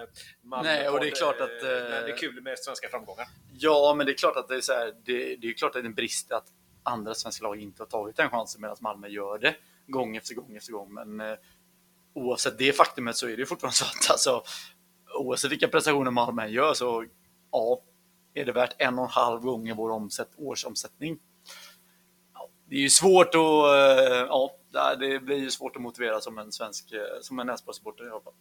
Det, jag ja, men det är ju ett väldigt skevt, det är ett väldigt skevt fotbollssystem och det vet vi ju om och det är liksom det är klart att vi skulle tycka att det var skitkul att få in 250 mil på kontot. Liksom. Det, det hade ju varit kanon. Alltså, en, en, sport, eh, en sportslig ledning som vi har just eh, i dagsläget med Jimmy Tillin som har gjort jävligt bra affärer med lite pengar och, och en Stefan Andreasson som är bra på att förhandla och, bra på att få hit spelare, bra, jag menar, vad skulle vi inte kunna göra med de 250 miljonerna? Jag menar, det, är, det är väl så man resonerar någonstans som fotbollssupporter, att det, skulle, det är skitkul när det händer ens eget lag. Liksom. Ja, Men eh, det är, ju, det är ju en konstig fotbollsvärld, så är det ju. Och och just Champions League blir ju det blir ju väldigt speciellt eftersom det är sådana enorma belopp för svenska klubbar som, som omsätter så extremt lite. För det är också ett perspektiv man, man behöver ha. att det är också någonstans jävligt märkligt hur lite allsvenska föreningar generellt omsätter i jämförelse med kiosken på hörnet. Liksom. Eh, menar, det finns ju Pressbyrån-butiker i Göteborg som omsätter mer än vad, vad IFK Göteborg gör. ja, det, är en intressant jämförelse. Eh, nej, men eh, ja, nej, det, det är sådana Nej men det är, det är ju sant och det är, det, det är ju någonstans att, att produkten, produkten svensk fotboll är ju undervärderad ur ett, ur ett både sponsorperspektiv och eh, publikperspektiv delvis men, men framförallt eh, sponsorperspektiv såklart. Eh, det är ju någonting som är skevt. Liksom. Ja, När exempelvis mycket- ta Stockholm Open i tennis kan omsätta mer eh, sponsormässigt på, på en, eh, liksom, vad är det, kategori C-turnering. Liksom. Nu vet jag inte, Stockholm Open är väl inte ens igång längre kanske. Men eh, Båstad-tennisen är väl ett jättebra exempel. Jag, jag såg någon siffra där att, att de omsätter sponsormässigt ungefär som vad Djurgården gör på, på tre år. På en vecka tennis som inte en käft bryr sig om. Liksom. Det, är ju, det säger ju någonting om att det finns en skevhet i systemet också, delvis tycker jag. Eh, Ja, och det är lite komiskt att så här, nu det har klarats en hel del i svensk media, eller framförallt från liksom, klubblagsmänniskor här, från Häcken framförallt kanske och även Bayern att så här, Conference League är en C-lagsturnering och det som åker ner i Superettan och bla bla bla. Samtidigt så kanske det är det som, ja men så här, på ett sätt så här, det gör att svenska lag kan komma ut i Europa och inte rubba tävlingsbalansen totalt för att alltså Champions League i all ära, men det är fel att svenska lag går dit för att Ja, det blir ju så sagt dubbla omsättningar. och så sagt, Det är inget med Malmö, de gör det hur bra som helst. Det är bara, man är ju bara avundsjuk såklart, men det blir ju sagt dubbla, omsätt, alltså dubbla omsättningar i vinst av att gå dit och då rubbas ju hela tävlingsbalansen. Och det är därför tävlingsbalansen kommer vara helt fucked up eh, tio år framåt. det är klart att Europa, Europaspelet är som det är och jag har väl eh, en del åsikter. Jag tycker att det är lite... Det blir liksom en, eh, en ABC-liga, en 1-2-3-liga och det är klart att de... Att komma till Champions League blir ju helt klart mycket mer betydelsefullt nu än vad det kanske var bara för ett år sedan. Eh, där man får så pass många chanser när du, om du blir utslagen i Champions League, kommer i Europa League och så vidare och blir utslagen där i sin tur så, så har du chans i Conference League. Så att, Eh, många lag hamnar ju redan eh, på de eh, som har en bättre ranking än oss hamnar ju kanske redan i en playoff och då är de i ett Europa League bara för att de ligger bland de 14 bästa nationerna och därmed är de direktkvalificerade för ett, för ett Europa Conference League om man tar en förlust till exempel i ett, i ett, playoff. Så, så där har det blivit lite, lite detaljer. Sen är ju pengarna bet, helt klart helt bättre än vad, eller de är där de ska vara på, på conference-nivå. Ehm, så att där finns ju många bitar. Samtidigt skulle jag säga att eh, det är bra att man tar upp den här diskussionen med svenska lag i Europa, för den tycker jag har varit lite, lite låg. Och, och för att vi ska kunna komma upp i en nivå som Danmark är på något sätt så måste vi ju ta ett lag, ett lag i eh, Europaspel i princip i fem år i rad för att vi ska vara där uppe och, och, och jaga och få de här fina placeringarna och något annat. Och då krävs det ju det, att vi skulle få ett lag i Champions League och kanske två lag i, i Europa League skulle ju givetvis vara eh, fantastiskt bra för svensk fotboll om man hade kunnat få det. Nu tror jag inte att vi hamnar där, men vi, vi möter Feyenoord, Hammarby möter Basel, eh, Rangers möter Lud- Ludogorets. Så det är klart att... Malmö. Eh, Malmö givetvis. Eh. Eh, de, eh, men, så, så det ja, där, där måste man ju upp om man ska upp bland de, bland de 14 bästa. Och vi, vi måste Men vill vi det? Det är det, alltså jag tycker inte vi, alltså jag har inget behov av det. Svensk fotboll behöver det. Jo, jo absolut. Nej, men jag tycker inte det. Jag är perfectly fine med att svenska lag bara är vi hänvisade till Conference League. Vi tjänar lite pengar, vi får spela i Europa, vi får härliga bortaresor, vi får härliga äventyr, men vi Men- får inga pengar som men- pajar hela, hela tävlingsbanan. Men titta på det som Det, sker. Förbjud det svenska jag känner, så jag, jag kan, jag kan till, till väldigt stor del kan jag hålla med dig Isak när det gäller det där. Eh, För, för jag tänker någonstans att det som, det som hela tiden blir liksom fonden kring det här att vi vill hävda oss och vara jättebra i Europa och vi vill spela Champions League, det är ju det här att vi har ju ett ganska stort gäng i det här landet och säkert i andra länder också såklart. Eh, med, med ligor i, i, på en lite lägre rankingnivå helt enkelt. Där man håller på och tjatar om att liksom, nej men fan jag vill inte gå på allsvenskan för det är så dålig kvalitet liksom. Det går så dåligt, de är ju rankade 25 i, i Europa och sådär liksom. att det finns en sån, det finns en sån jävla tugg hela tiden. Och då blir det någonstans så här, men kanske vi lyfta allsvenskan. Dels försöker vi lyfta allsvenskan ur att man pratar väldigt mycket supporterperspektiv och sådär. Samtidigt så är det klart att man vill ju någonstans att kvaliteten ska gå upp. Alltså det, det, det kan jag ändå känna att jag som både supporter, liksom, supporterskapet är väldigt viktigt. Liksom. För mig är det också så här, det, det vore ju kul om kvaliteten också kunde gå upp såklart. Eh, det jag upplever är lite problemet med den här diskussionen blir ju dock att oh, det spelar ju ingen roll hur bra allsvenskan blir. De som sitter och runkar Premier League helg efter helg efter helg och tycker att allsvenskan är skit för att de inte är så lika bra som Liverpool. Liksom de kommer ju ändå aldrig få det de vill ha i allsvenskan för att allsvenskan kommer ju aldrig liksom kunna konkurrera med topp 5, topp 10-ligorna liksom i Europa ändå. Eh, och jag menar, det är ändå ingen som sitter och tittar på en topp 10-liga, utan det är ju det finns ju de här, den här kategorin supportrar inom, inom citationstecken som sitter och, och som sagt tittar på Premier League, möjligen Serie A, möjligen La Liga liksom men oftast bara Premier League och de kommer ju fortfarande inte titta på allsvenskan bara för att allsvenskan går upp på, på, på rankingnivå 14. Sen är det klart att de kanske kommer stöta på ett allsvenskt lag som möter deras älskade Liverpool någon gång om året. Liksom. Det kanske hade varit något, men, men alltså, så på det sättet kan jag hålla med dig Isak. Samtidigt så är det klart att sport handlar ju om att sträva uppåt någonstans. Eh, och det är väl det perspektivet som är, som är, som är min liksom, anledning till varför jag ändå vill att det ska gå bra någonstans, även om jag såklart förstår hela problemet med den, med den diskussionen någonstans. Men det är klart att jag vill ha, optimala hade väl varit att alla de lag som kvalificerar sig till Europaspel faktiskt går till ett Europagruppspel liksom, eh, av de svenska lagen varje år. Det hade väl varit eh, superhäftigt. Eh, Conference League är perfekt. Så länge Elfsborg hade varit en av dem.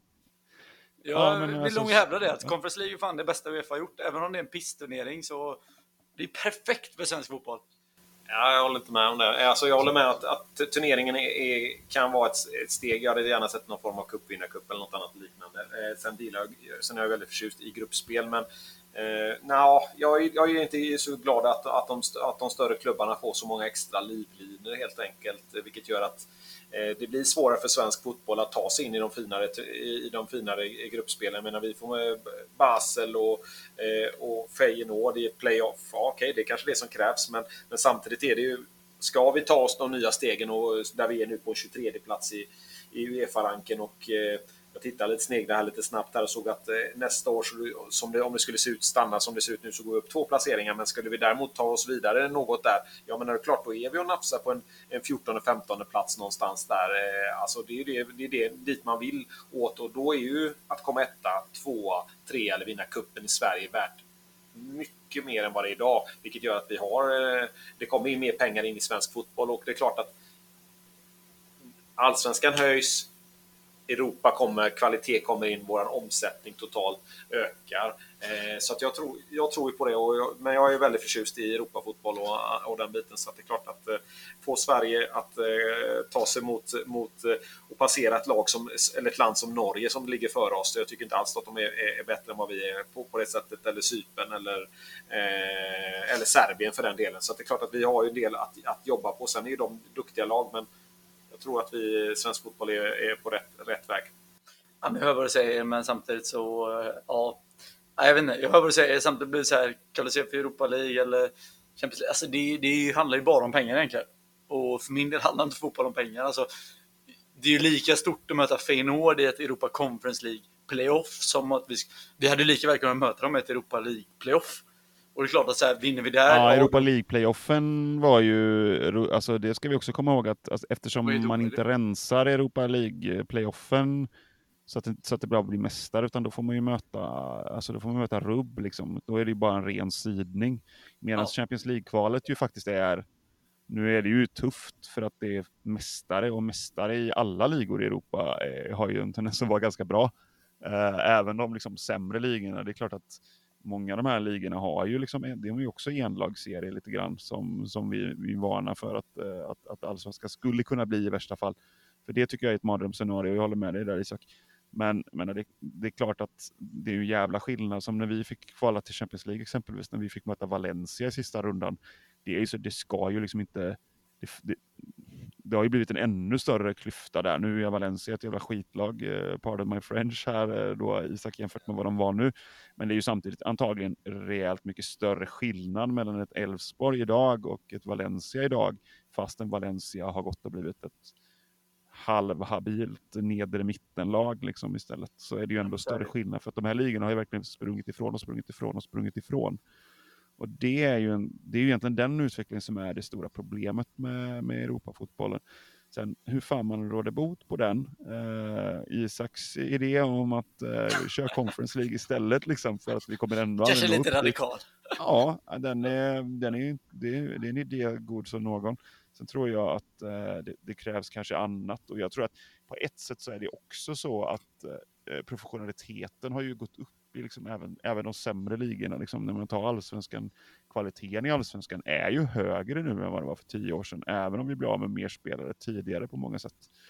Eh, skulle jag säga, så att jag, eh, jag det är en liten dubbel utveckling det där. Eh, sen är det klart att skiktningen blir ju ännu värre för att de bästa, spel, bästa klubbarna, de köper ju liksom, det är bara att kolla på PSGs jävla Samla kortslag som de börjar hålla på att skaffa sig. Det är ju, det är ju, det är ju vulgärt. Är det ju. Eh, och eh, det blir bara mer och mer vulgärt för varje år. Och på ett sätt kan jag hålla med och hoppa av skiten, liksom, som du säger lite grann Isak. Eh, men det är ändå någonstans sport är sport och det är 11 mot 11 och allt kan hända och bollen är rund och sådär. Det är ändå det som är det. Det är också en, grund, en grundgrej med... med Säg som uh, Stevie Gerard, I never known football fans to win a football game och det var lite så det kändes idag. Det var mycket snack om det här publiktrycket i Mostar, men uh, ja.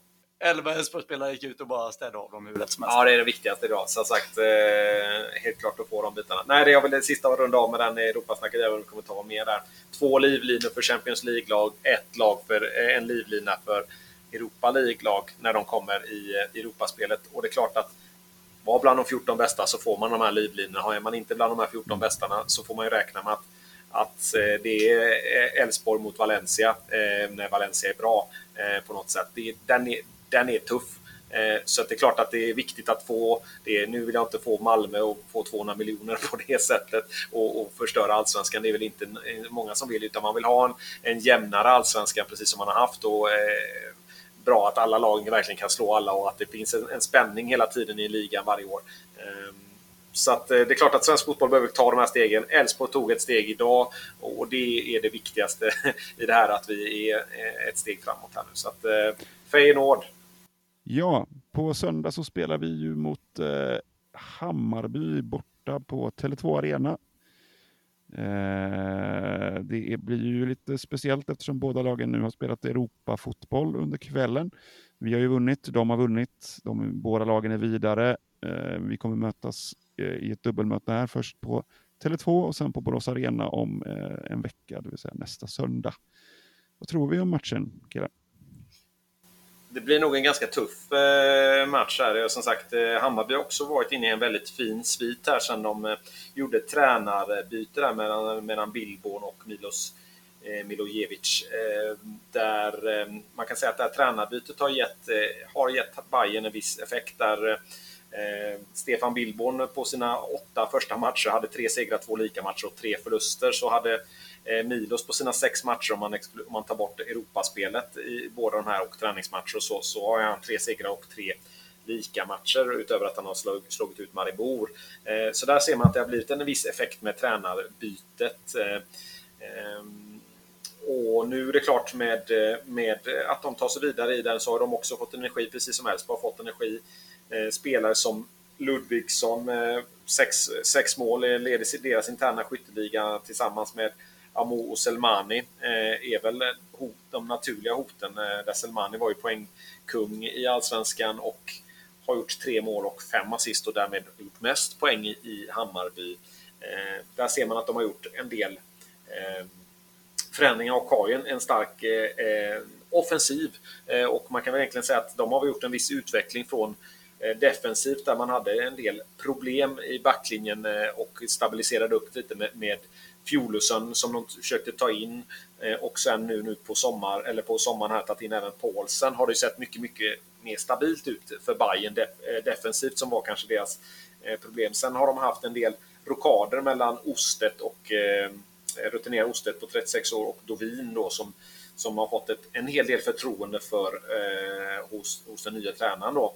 Eh, men nu har man kunnat se att det är två matcher i rad här mot Blåvitt och även idag då mot eh, Hokariki så har ju Ostedt tagit tillbaka den eh, platsen verkar det som då. Så, att, eh, eh, så där har de ju ändå eh, jobbat på en hel del och fått eh, många eh, duktiga spelare. De har fått en, en väldigt fin del och det verkar som att det här bytet har gett dem en del energi då. Eh, samt också nu har de även värvat någon eh, ny spelare, eh, Matko verkar det som. Eh, slovensk U21-landslags eh, man där som gjort sju mål i Maribor och 15 mål i något lag som heter Bravo. Eh, så att det var, ja, nej, de, är, de kommer vara tuffa. Nu kommer nog inte han vara klar mot oss, men eh, det kommer vara en, en, en tuff nöt eh, och de verkar spela ganska snabbt. Men vi har ju som sagt alla nycklar att kunna stå emot ett, ett, ett Hammarby med, med, med den formen vi är faktiskt inne. Så att, eh, jag har respekt för dem, men eh, jag tror de har respekt för oss också. Ja, det var lite som en, som en Hammarby eh, ja, bekant, eller vad man nu vill kalla det, Twitter, Twitter internetbekant skrev eh, efter matchen att så men, han vill göra en deal att vi, vi ställer upp med juniorlagen båda två för att vila gubbar till Europa. Och, ja, men vi ska komma ihåg att Hammarby spelar också i Europa på torsdag. Nu vet jag inte om de har hemma eller borta, det är ingen aning. Eh, vi kommer från en bortamatch, de kommer från en hemmamatch och så sett har de väl lite fördel. Men det är mycket matcher och Hammarby har ägnat hela tre veckor här i rad åt att gnälla på hur många matcher det är medan vi bara trummar på. Ehm, det visar ju ändå på någonting. Sen är det klart att Hammarby är ett bra lag, men nu börjar de ju närma sig den här 2019-formen där de var supervassa offensivt, men svajade bakåt ordentligt nu, precis som Adrian var inne, så har de tagit in Fjolosson i januari eller februari och nu pausen. Så att de har ju börjat stadga uppåt, men det är ju egentligen två motpoler. Ett lag som lever på liksom offensiv och frenesi, publiktryck, liksom, medan vi är otroligt stabila och ja, men börjar få lite spets framåt medan Bayern har varit jävligt spetsiga framåt men inte så spetsiga bakåt. Medan, ja, och nu hämtat in lite spets bakåt. Så det blir en väldigt spännande match. Och, men som vi var inne på redan förra podden tror jag det var att alltså, pressen är ju på Hammarby. De måste ju i princip vinna här eh, på Tele2 Arena för att skulle vi komma iväg med, med säg att vi tar lika många poäng den här dubbelmötet, ja men då är Bayern ganska distanserad från guldstriden framför allt eh, topp tre-striden ännu nästan. Eh, skulle vi ta fyra poäng, men då är Bayern helt borta från all form av Europastrid egentligen. Liksom. Klart allt kan hända, men det ska mycket till. Eh, så att pressen är ju på Bayern och som sagt, de ägnar ju det mesta av tiden att gnälla på spelschemat. Eh, det gjorde Milos Milojevic här eh, nu efter matchen idag också. Så att, eh, jag skulle säga att allting talar för oss. Eh, vi kan gå ut och spela helt utan press. Eh, var nöjda med ett kryss men eh, satsa på omställningar och, och, och i storform. Så att, varför inte gå och ta en till smash and grab-seger på Tele2? Ja, det enda som är, ser eh, lite tufft ut är väl att vi har en, eh, en, en bortamatchen först här. Det gör väl att det blir lite tuffare såklart. Eh, dels blir det lite mer resor och Bayern spelar ju hemma idag och de spelar hemma då eh, på söndag. Så det är klart att det, det, kommer att sitta lite mer i benen hos oss. Men uh, ja, samtidigt, vad fan. vi är i bra form, vi har ingenting att frukta. Det, det kommer bli tajt. Det är ett bra lag vi möter, men jag menar Hammarby kryssar ju senast i, i serien här och, och sådär som ser inte oövervinnliga ut. Uh, nu har inte jag sett matchen mot serberna idag där de tydligen, ja, enligt i alla fall Aftonbladets uh, ja, krönikör här ja, säger såg att det första var, var total slakt mot, mot serberna. Uh. Ja, nej, och det är klart att det, det är menar, mycket, mycket av de här Ja, det, det var en eh, otroligt stabil seger från, från dem och tog, tog över det i, ja, i, i första, även om eh, de gjorde 3-1 och då fanns det en viss eh, liv. Nu såg inte jag 3-1 målet eller 4-1 och 5-1, men, men eh, rent resultatmässigt i alla fall så första halvlek var ju såg de ju väldigt eh, pepp och, och taggade ut då. Eh, nu ska det ändå sägas att eh, Hammarby inför, om man tar bort den här matchen de spelar idag, hade ju fyra, har ju spelat fyra bortamatcher i rad mot Maribor borta, mot Östersund borta, mot Kukariki borta och Blåvitt borta. Eh, och så nu fick de sin första hemmamatch här på ett tag och sen möter de hemma hos oss också. Så de är nog ganska slitna från här, eh, de matcherna. Eh, och vi, och mycket matchande där. Och nu sålde de han Aymar Sher. jag tror inte det kommer påverka utan jag tror snarare att det kommer stärka Hammarby att de sålde talangen, att de inte behöver spela honom utan de kan spela kanske mer eh, rutinerad spelare som Abdul Khalidi eh, centralt utan att ha det kravet att ha en ung eh, spelare där. Eh, så att, eh, nej, jag tycker de har gjort rätt så bra nyförvärv. Eh, Hammarby, de har väl lite frågetecken på mitten men som sagt, vi har en väldigt bra form och, eh, ja, och vi kanske har någonting, lite nyförvärv och lite annat som kommer här också. Så att, eh. Jag vill bara flika in här på att eh, nu ska vi lämna Europaspelet, men Josef Komo nickade in 1-0 för Gent borta mot eh, något lettiskt lag här, RFS, och eh, därmed avgjorde det dubbelmötet. Så att han har ju onekligen betalat sig och eh, enligt eh, obekräftade uppgifter här så får vi mer pengar om Gent går till gruppspel. Så att, eh, det får vi väl hoppas på då. Ja, absolut. Framgång för Okomo är framgång för oss. Yes, nej men det är väl positivt. Uh, ja, uh, i övrigt inför Bayern uh, som sagt, ja, det är på förhand känns det som en tight match, definitivt. Uh, jag vet att det har varit lite diskussion kring biljettsläppet. Tar du med det, Isak? Uh, ja, men vill Ahlgren ha något mer nej, att säga? Det, nej, det var, det, man vet vilka som Bayern kommer att spela, men biljettsläppet är viktigt. att tar den, eh, Isak, så det, för det, det, är viktigt att betona med tanke på allt som har skett med Mostar och allt annat vad som komma skall. Ja, men det, det är lite debatt och sådär och jag kanske har en annan åsikt än vad väldigt många andra har och framförallt än vad IF Elfsborg har i den här frågan. Eh, uppenbarligen för att eh, Ja, men vi kan väl först säga att vi har ju då bortamatchen mot Bayern här på söndag och de släpper ju bara biljetter till sina seriekort. Biljettinnehavare, de har ju då sålt runt 15 000 årskort och de får släppa in eh, kanske 8,5 på Tele2. Eh, så de vill ju då bara släppa till sina seriebiljettinnehavare, vilket mm, man kan väl förstå kanske. Eh, jag tycker att, vad fan, om ni har ändå 7000 seriebiljettshavare som inte får biljetter, ja men vore det så jävla illa om 200 till inte fick biljetter och släpp 100 biljetter till oss. Eh, jag tycker att, eh, ja men hela debatten, vi behöver inte gå in på den så jättemycket, men hela debatten kring villkorstappan tycker jag blir lite skev om nu svenska fotbollsklubbar aktivt motarbetar bortasupportrar, för det är en väldigt stor del av svensk supporterkultur. Eh, oavsett hur många biljetter man har sålt i seriebiljettsinnehavare eller liknande så tycker jag att vad fan, visst man behöver inte erbjuda 3000 biljetter till bortastå, men eh, ett par, en, någon hundra eller 200 biljetter borde alla klubbar kunna erbjuda utan större problem. Så att, eh, det är väl min åsikt att eh, så länge, ja men jag tycker det blir lite kontraproduktivt att klaga på villkorstrappan samtidigt som man aktivt motarbetar svensk bortasupporterkultur. Eh, men då istället då är vi i Elfsborg då, vi får ta in typ 3000 på matchen eh, som vi har fått alla matcher. Vi har inte haft i närheten av slutsålt någon match förutom mot Mostar här då. När det kom tusen biljetter och det, tusen bosnier och det blev ju totalfiasko. Så kan vi inte ha det såklart att vi, alltså ska man ha bortasupportrar måste det ju vara lite mer kontrollerat på samma sektion. Eh, och Elfsborgs svar då nu mot Bayern så ska vi då bara släppa biljetter till Elfsborgare först. sedelbiljettsinnehavare och medlemmar och det tycker jag är rätt. Men jag tycker att vi borde erbjuda Alltså uppenbarligen får vi ha 270 eller slash 300 personer på Knallelandsläktaren som är ordinarie kortsida på bortasupportrar. Så jag begriper inte riktigt varför vi inte släpper de 300 biljetter till Bayern och, eller 270 om det nu är det som är max. Eh, beror på vilken klubb. Eh, och sen ja, men ha resten av biljetterna till Elfsborg. Alltså det kan inte vara så jävla svårt att bara okej okay, Bayern ni får de här 270-300 biljetterna på kortsidan.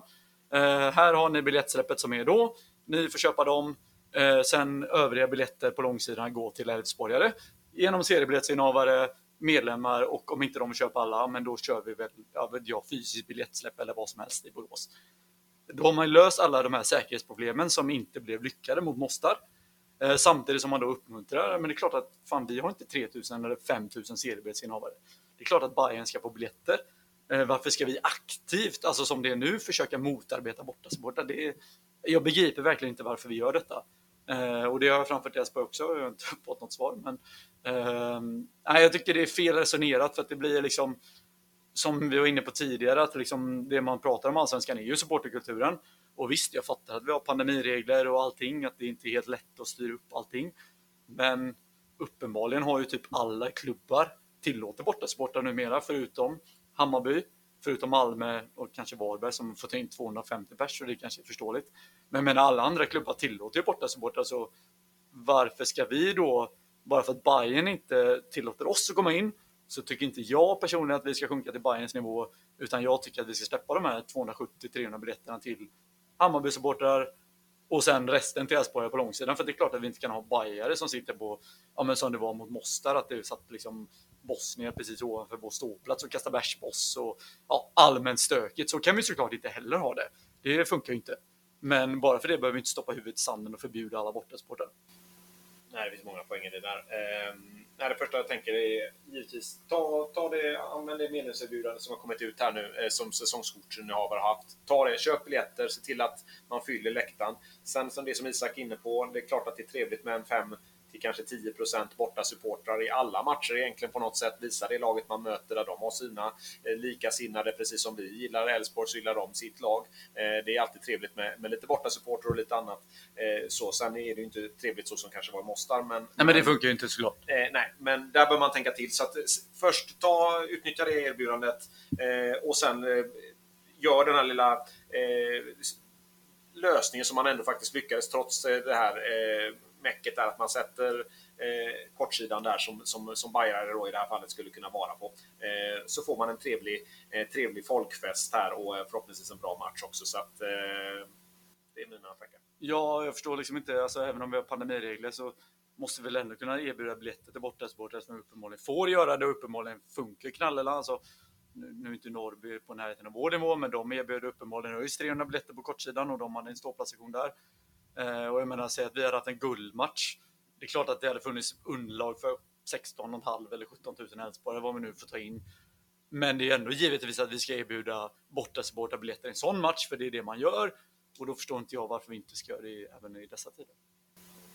Ja, nej, men eh, har alla Elfsborgare fått dem som har tyckt till och verkligen vill ha biljetterna så, så ska man ju givetvis släppa upp en viss, en viss mängd biljetter. Det tycker jag är, är, är helt, helt klart rimligt. Men Eh, passa på nu, ta de här biljetterna som finns här nu som, som man har fått. Ett fint erbjudande, rabatterat pris. Eh, det var fyra biljetter man fick eh, som säsongskortsinnehavare möjlighet att eh, slå till på det. Bjud med dina kompisar, vänner, familj, släkt, pappa, mamma, farmor. Eh, och se till att, att det blir en, en rejäl gul fest. För nu är vi tio matcher utan, utan förlust. Eh, bra med i toppstriden med ett Europa Conference League playoff-läge. Jag menar, det kan ju inte bli mycket bättre. Det där är ju liksom lite det man har drömt inför säsongen. Så att eh, nu är vi i ett superläge så att eh, nu ska man verkligen se fotboll. Ja, men precis som Ali är inne på. Alltså, nu har jag snackat om att Bayern ska få biljetter såklart, men givetvis precis som vi varit inne på tidigare. Alltså nu måste vi Elfsborg köpa biljetter också. Alltså om nu vi inte, alltså det, det finns ju inget snack om att nu, alltså har det funnits en bättre tid på 5, 6, 7, 8 år att kolla på Elfsborg? Nej, det tror jag inte. Så köp, alltså köp biljetter nu för fan. Alltså det här, det finns inget bättre. Yes, om vi avslutar med den eh, absolut viktigaste punkten då. Vad fan är det för fel på Bayern killar? Ja, framförallt att de inte ger oss några bortabiljetter. Ja, det är ju urkast faktiskt.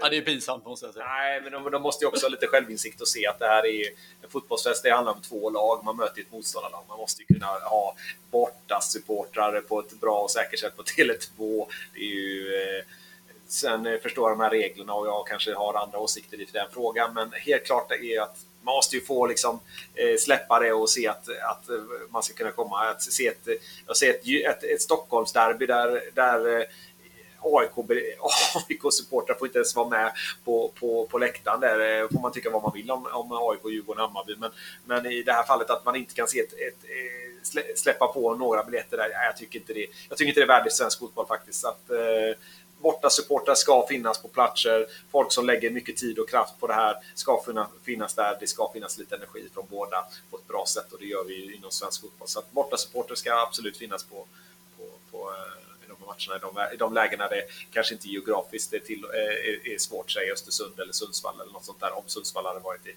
Allsvenskan eller något. Ja, och sen också, eh, ja men om vi fortsätter, vad, vad är det för fel på Bayern alltså? Vår favoritpunkt den var det kanske, men det är klart det här jävla gullandet från Stockholmsmedia blir man ju vansinnig på. Alltså jag kan bara läsa upp här då, Fotbollskanalen har två rubriker efter kvällens segrar då. Bayern gick ju obviously vidare också i Europa League, eller Conference League.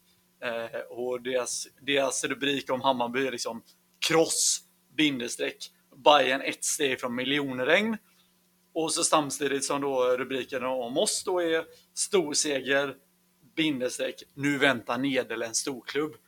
Och jag menar vad fan, alltså det här jävla Stockholmsgullandet får ni ju lägga ner med. Alltså, alltså för helvete, Elfsborg är topplag, vi kom tvåa i fjol. vi är inte ett lag som saknar pannben på något jävla sätt. Utan varje va? Ja, alltså vad fasen, kom igen nu. Dags att vakna. Elfsborg är ett storlag i svensk fotboll och ja, men det här jävla gullandet med Hammarby om dess publik och bla bla bla bla bla bla bla bla bla. Alltså bete er för helvete. Men Isak, du vet väl det att, att Bayern, de är li, alltså deras supportrar, de är lite mer äkta. De känner lite, lite mer för sitt lag och de har lite, lite finare argentinskt trumskinn på sin supportertrumma. Vet du. Ja, det är ju också ett problem med Bayerns supportrar. Men framförallt så, alltså det här är ju, och framförallt tror jag inte ens Bayerns supportrar tycker det, utan det är ju bara Stockholms media som tycker detta. Och det, är, nej, sitt ner hela Stockholms media. Ja, nej, men alltså, en annan grej som jag vill, eh, det här är ju en fackla som jag försöker hålla högt inom svensk fotboll, det är ju att någon jävel måste ju mygga av Jesper Jansson nu, för att dels han har världens tråkigaste jävla dialekt, så det är det ju. Vi, ju, vi gillar ju dialekter i den här podden, eller hur? eh, absolut. brukar ta, ta upp dem mycket, men Jesper Jansson har, har, har ju i särklass Sveriges jobbigaste jävla röst. Och han ska vara med i varenda jävla podd, eh, tre gånger om året, och han är lika jävla tråkig varje gång. Han är dessutom, ja visst, en del vill hävda att han är en bra sportchef. Fast Han det körde ner han Helsingborg kört i botten. Ja, precis. Han har ju fortfarande liksom, det gick ju piss i FCK, det gick oerhört dåligt i Helsingborg till slut. Visst, började okej. Eh, han, har väl, han har väl gjort ett halvhabilt jobb i Hammarby, absolut, det har han gjort. Sett till förutsättningarna dock, ja, tveksamt. Har det gått så jävla bra? Ja, vete fan. Och sen måste Eh, vi ju, ja. Sparka tre tränare har han gjort också. Det är ju, det är ju faktiskt aldrig ett styrkebesked eh, för en sportchef som har suttit så kort tid att sparka tre tränare. Han är väl bra på att värva spelare men kanske inte har koll på ekonomin. Så Nej. kanske man kan summera lite Mats Gren över det. Alltså duktig på att ta fram duktiga spelare i alla de här klubbarna som jag nämnt där. Men kanske lite, lite för mycket och någonstans där blir man ju lite, lite trött på, på ehm, ja, den här ensidiga liksom, mediebevakningen och allt annat. Att allt som sägs där är värt eh, tre gånger mer. Nej, det blir lite tröttsamt. Så att, eh, det, blir- det visar ju lite på tabellplaceringar och lite annat. Och, och, och även Ja. det som Isak är inne på här med, med, med Europaspelet. Där, är ganska tydligt. Och man, man skulle kunna gå in och titta detalj på liksom hur många artiklar som skrivs om de här och av eh, att, ja, s- ställen som egentligen, eh, utan att nämna några namn här, visar hur många artiklar som faktiskt skrivs om det ena och det är inte liksom eh, Elfsborg eller Bayern eh, podda eller delat där. Så att det blir lite, det blir lite tröttsamt i de här bitarna faktiskt. Ja, och sen också det, det jag tycker alltså, mest illa om Hammarby. Alltså, nu har jag kastat skit på den moderna fotbollen här i halva podden och det, det kan jag fortsätta med att göra. För att, alltså, finns det någon, förutom, ja, inte ens Malmö FF, men finns det någon som förespråkar modern fotboll så mycket som Hammarby IF så nej, det gör det ju inte. Alltså, de håller på med sitt jävla farmarlag, de köper upp något Hammarby talangfotbollsförening, bla bla bla. De plockar in 71 afrikaner på, som är 17-åringar, 18-åringar. Eh, kan man säga vad man vill om. Jag tycker inte det, det känns helt rätt alla gånger. Eh, liksom de Zlatan som ägare, de har liksom någon jävla AIG som ägare, de spelar på en jävla inomhusarena uppe i Stockholm som inte ens är deras egen. Nej, det, och så samtidigt som de ska profilera sig som folkets lag och Guds gåva till mänskligheten. Nej, sitt ner. Nej, AEG är ju ganska smutsigt. Så det, är sådär, det, det tas ju aldrig upp, men det är liksom... Anschutz är ju, ja vad fan, han är ju svårt, eh, svårt... eh, Nej, det, är, det är en knepig människa. Det är bara läs på honom, honom med tips, kan jag säga. Eh, Men... Ja, vi ska väl... den här podden, för det är en maratonpodd. Ja, det här var den längsta podden vi någonsin har gjort, så att vi kan väl rekommendera Isak framförallt då, att aldrig mer dricka öl innan han ska podda. Eh, det var inte Nej. jag som gick med en 20 minuter lång Europadiskussion som inte stod i körschemat. Nej, jag vet. Nej, men att eh. Ja, Ibland blir det långt, ibland blir det idag. ibland blir det långt, ibland blir det lite kortare helt enkelt. Men eh, heja det gule. Framåt för seger. Krossa Feyenoord. Ha det bra. Hej.